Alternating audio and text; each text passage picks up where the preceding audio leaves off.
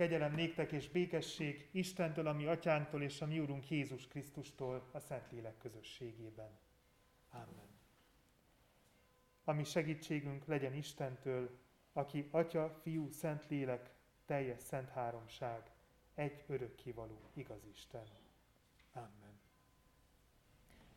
Helyünket elfoglalva a 302. énekünkkel dicsérjük Istent. 302. bűnbánati énekünk így kezdődik. Ím nagy Isten, most előtted szívem kitárom.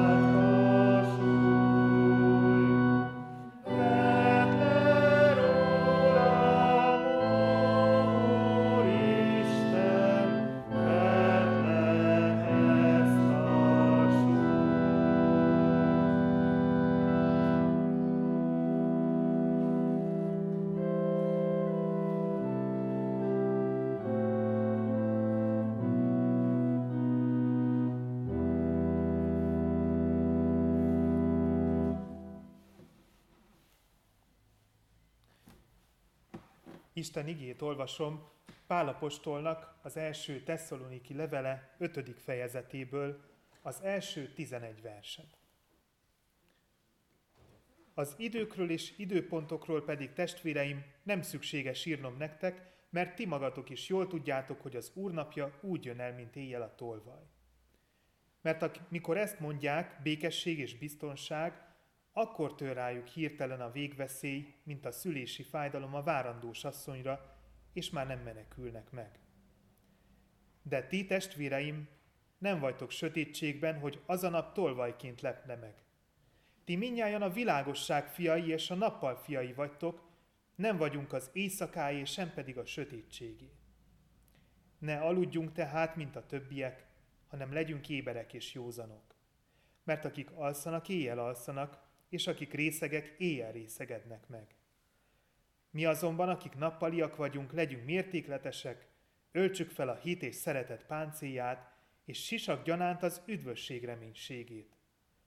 Mert Isten nem haragra rendelt minket, hanem arra, hogy elnyerjük az üdvösséget a mi Urunk Jézus Krisztus által, aki meghalt értünk, hogy akár ébren vagyunk, akár alszunk, vele együtt éljünk.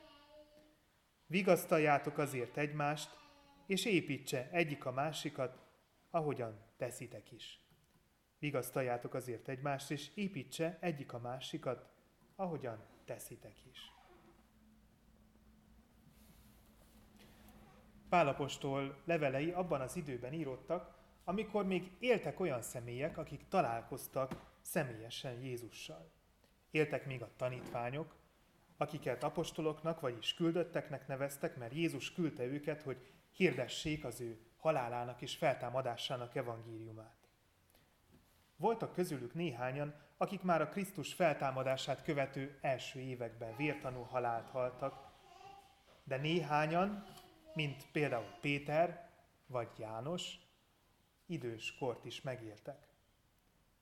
Pált is apostolnak nevezték, hiszen ő is találkozott a feltámadott Jézussal a Damaszkuszi úton.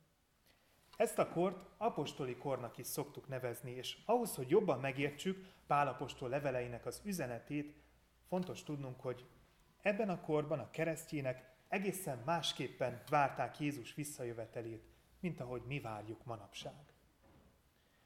A legtöbb gyülekezetben, úgy ahogy a tesszaloniki gyülekezetben is, úgy hitték, hogy Jézus, míg az ő életüknek az idején vissza fog térni. Igazságot szolgáltat a földön, és átveszi a hatalmat az egész világ felett.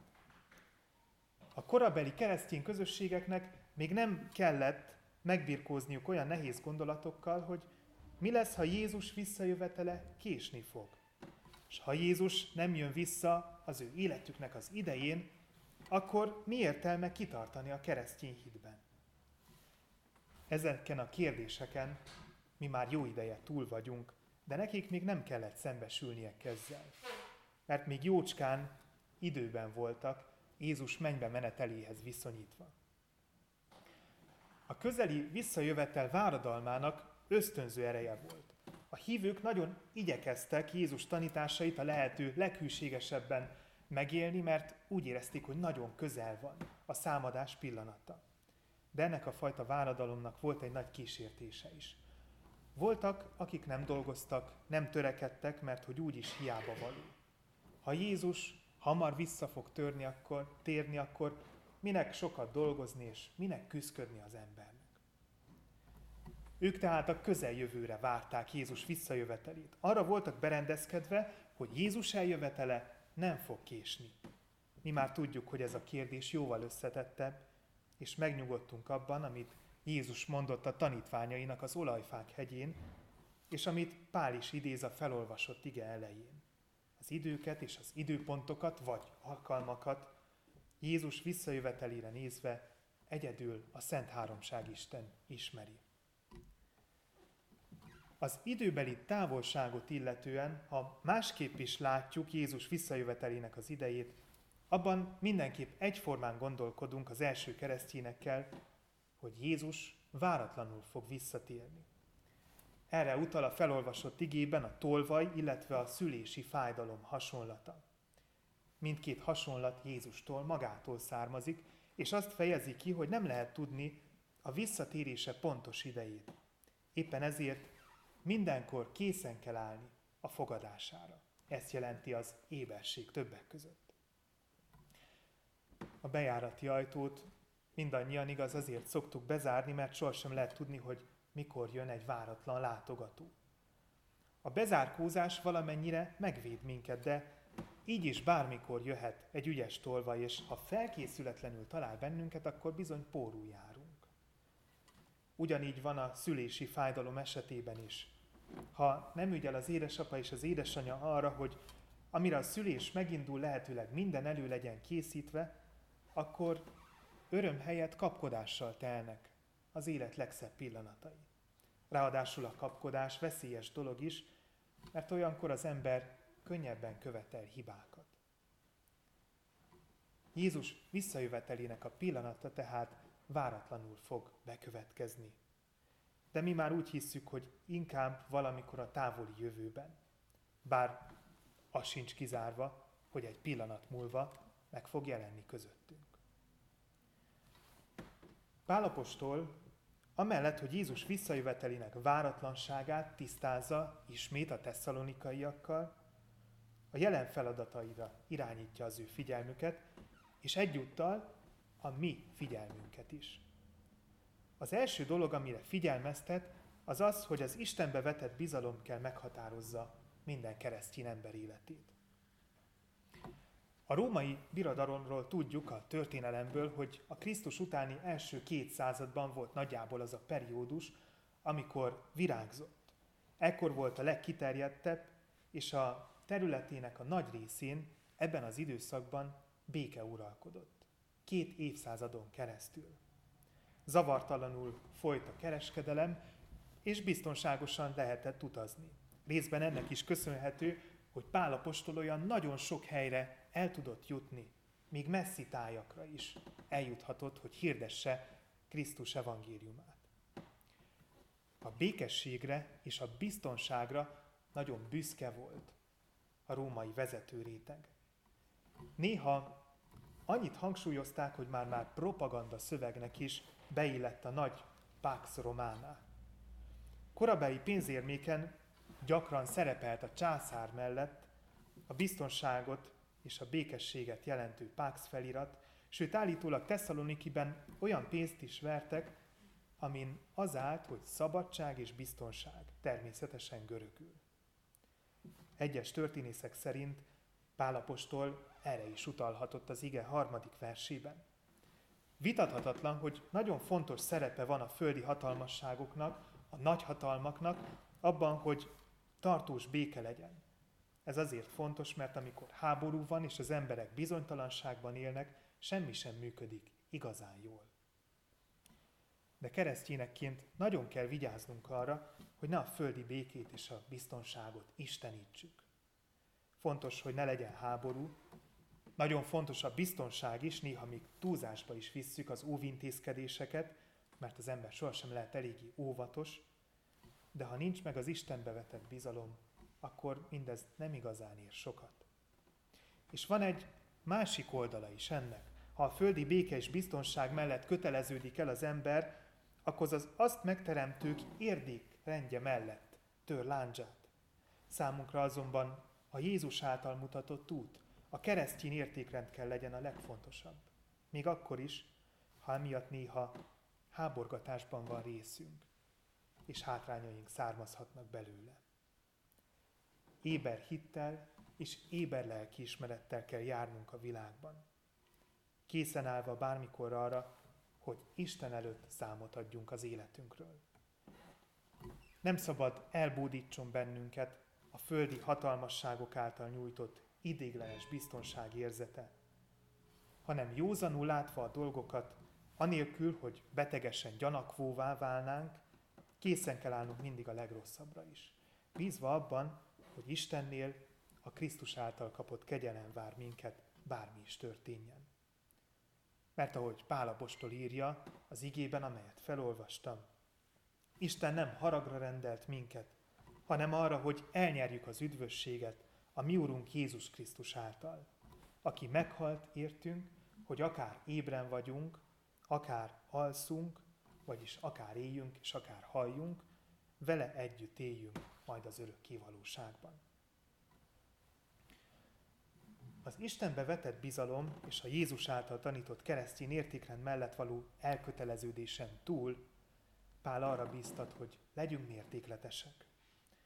Majd arról is ír, amiről nemrég, október 24-én volt szó, az Efézusi levél 6. fejezetével kapcsolatosan, hogy a keresztény embernek fel kell fegyverkeznie egy bizonyos lelki fegyverzettel. Itt a fegyverzetnek azonban csupán két elemét említi az apostol. A hitpajzsát, ami egyben a szereteté is, illetve az üdvösség sisakját. Ugyanakkor arra biztatja őket, hogy vigasztalják egymást. Építse egyik a másikat, ahogyan teszik is. Ha rossz dolog történik valakivel, akár a hite miatt, akár más miatt, akkor nem kérdés, hogy a vigasztalására kell siessünk mindannyian, ha csak tehetjük. Erősítenünk kell egymást. Mert olyanok vagyunk, mint egy testnek, mégpedig Krisztus testének a tagjai. És ha egyikünknek nehézségei és gondjai támadnak, akkor mindannyian megérezzük előbb vagy utóbb. Az ige, amit felolvastam, Krisztus második eljövetelének, adventjének a váradalmáról szól, és a jelen feladatairól. Nagyon nehéz, amikor karbatett kézzel tétlenül kell várakozzon az ember. Pálapostól szavain keresztül azonban Isten igéje megmutatja azt, hogy a Jézus két eljövetele közötti időben hogyan kell aktívan megélnünk a várakozást, és hogyan kell készülnünk a nagy pillanatra, amelynek bizonytalan az időpontja, de biztosan be fog következni. És bármi is történjék közbe, ha véget is ér a béke és a biztonság korszaka, amit élünk. Ha nő a sötétség és a homály, akkor se tévesszük szem elől, hogy világosság fiaiként ki az, aki mellett elköteleztük magunkat, és ő milyen feladatokat adott nekünk a jelenre nézve. Amen. Imádkozzunk!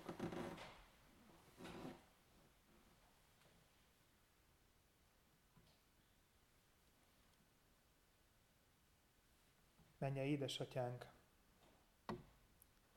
az igében is azt olvashatjuk, és számos helyen a Szentírásban erről van szó, hogy nem tudni pontosan, mikor lesz az ítélet napja. Nem tudni pontosan, hogy mikor fog a te szent fiad visszatérni, ahogyan megígértem. Sokszor elcsüggedünk, azt érezve, mintha nagyon távoli lenne ez a pillanat. Segíts és erősíts bennünket, menje édesatyánk, szent lelked és igéd által, hogy tudjunk kitartani a várakozásban. Tudjunk éberek maradni, és tudjunk mindig készen állni. Nem tudjuk, hogy mikor jön el a pillanat, olyan, mint a tolvaj, olyan, mint a szülési fájdalom. De azt biztosan tudjuk, hogy készülnünk erre mert el fog érkezni. Ugyanakkor arra kérünk Istenünk, segíts, hogy ne karba tett kézzel várakozzunk a Te Szent Fiad adventjére. Segíts, hogy mindig lássuk meg a jelennek a feladatait, amelyek által megélhetjük a hitünket és az elkötelezés, elköteleződésünket te melletted. Segíts Istenünk, hogy egyre inkább látszódjon a mi életünkön, hogy a várakozást éljük, és látszódjon rajtunk az, hogy Te hozzá tartozunk, és hálából igyekszünk ezt ki is mutatni. Add, hogy meglátszódjon ez azon is, ahogyan egymáshoz viszonyulunk. Segíts, hogy amikor szüksége van embertársunknak a vigasztalásra, a bátorításra, az építésre, akkor tudjunk úgy jelen lenni mellettük, hogy az tényleg segítség legyen számukra. Szent Fiad nevében kérünk, így áld meg a várakozásunkat a Te Szent Fiad eljövetelére, és így tett teljessé keresztény hitünket, amelyről tudjuk, hogy bizonságot kell tennünk nem csak szóban, hanem tetteink szintjén is. Amen. Bizalommal tárjuk fel szívünket Isten előtt.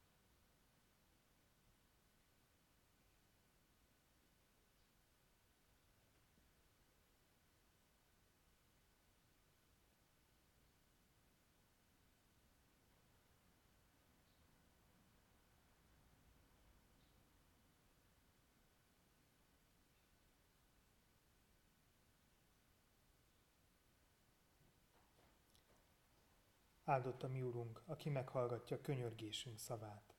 Amen. Mi atyánk, aki a mennyekben vagy, szenteltessék meg a te neved. Jöjjön el a te országod, legyen meg a te akaratod, amint a mennyben, úgy a földön is. Mindennapi kenyerünket add meg nékünk ma, és bocsáss meg védkeinket, miképpen mi is megbocsátunk az ellenünk védkezőknek. És ne vigy minket kísértésbe, de szabadíts meg a gonosztól, mert tiéd az ország, a hatalom és a dicsőség mindörökké. Amen.